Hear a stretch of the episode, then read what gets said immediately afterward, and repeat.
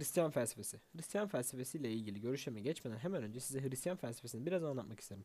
Antik Yunan felsefesinden esinlenerek ortaya çıkan Hristiyan felsefesi milattan sonra 2. yüzyılda Hristiyanların görüşleri ve kilisenin çıkarları doğrultusunda yapılan bir felsefedir. Ve bu dönemdeki çoğu filozof din adamıdır.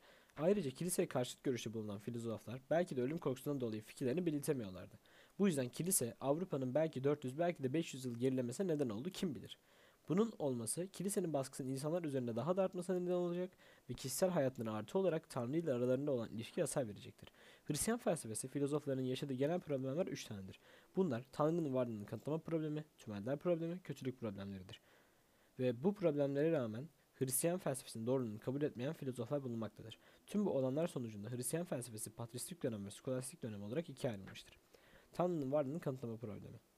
Tanrı'nın varlığını kanıtlama problemi, Tanrı'nın ontolojisinin bilgi kuramı ile ilgilidir. Tanrı ve din ile ilgili olan bilgiler rasyoneldir. Öncelikle Tanrı'nın var olup olmadığını bilmek istiyorsak kendimize sormamız gereken bir soru vardır. Tanrı nedir? Tanrı, yaşam ortamı, ırk ve çevre gibi etkenlere bağlı olarak bir toplumun Tanrısı kimi zaman bir hayvan, kimi zaman bir cansız varlık olmuştur.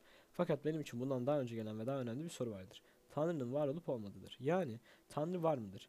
Tanrı biz ne kadar bilimde gelişirsek gelişelim, onun varlığını kesin olarak ne bilimle ne akıl elinde hiçbir şeyle açıklayabileceğimizi düşünüyorum, düşünem, düşünmüyorum. Tanrı ne yaparsak yapalım bilinemez ve bulunamaz kalacaktır. Buna agnostizm bilinmezlik denmektedir. Bu yüzden Tanrı'yı akıl ile bağdaştırma ve onu akıl yoluyla bulmayı gereksiz ve mantıksız buluyorum. Tanrı ve din kesin bir yalanlama ve kanıtın dışında sadece bir inançtır. Kalbimiz zor anlarında veya yanında birini isteme durumunda Tanrı'ya yönelebilir. Buna da rasyonalizm ile alakalıdır. Benim görüşümü kendi yaşadıkları zamanda dile getirmiş olan Hristiyan felsefesi filozoflarından Rudolf Carnap ve A.J. Ayer gibi mantıksal pozitivistler, Tanrı'yı herhangi bir önerme ile bulmaya çalışmak mantıksız ve saçmadır. Tanrı akıl ve mantık ile bulunabilecek veya kanıtlanabilecek bir değere sahip değildir demiştir. Tümeller problemi.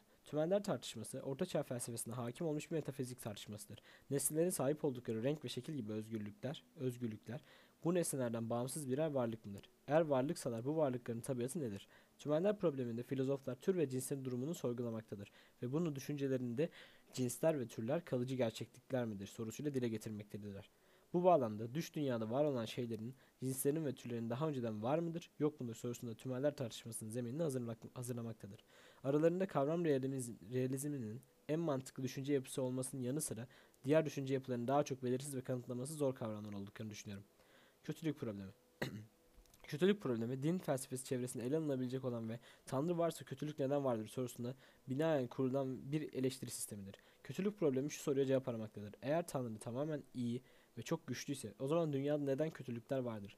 İşte bu soru kötülük problemi konusunu doğurmuştur. Kötülük problemi felsefe tarihinde özellikle Augustinus tarafından ele alınmış ve açıklanmıştır. Augustinus var olan her şeyin Tanrı tarafından yaratıldığına inan inanmakla beraber Tanrı'nın kötülüğü yarattığını inanmamaktadır. Çünkü kötülük bir şey değil, bir şeyin eksikliği ve noksanlığıdır. Peki Tanrı dünyayı neden içinde doğal kötülüklerin var olabileceği biçimiyle yaratmıştır? Bu benim için mantıklı bir argümandır fakat çok güçlü bir argüman değildir. Çünkü iyi ve kötü arasında seçim yapmada kendi irademizin etkili olduğu için iyi ve kötü arasındaki seçimi yapmak bize bağlıdır. Tanrı, insanlar iyi ve kötü arasındaki farkı anlayıp seçebilecekken neden onlara yardım etsin ki?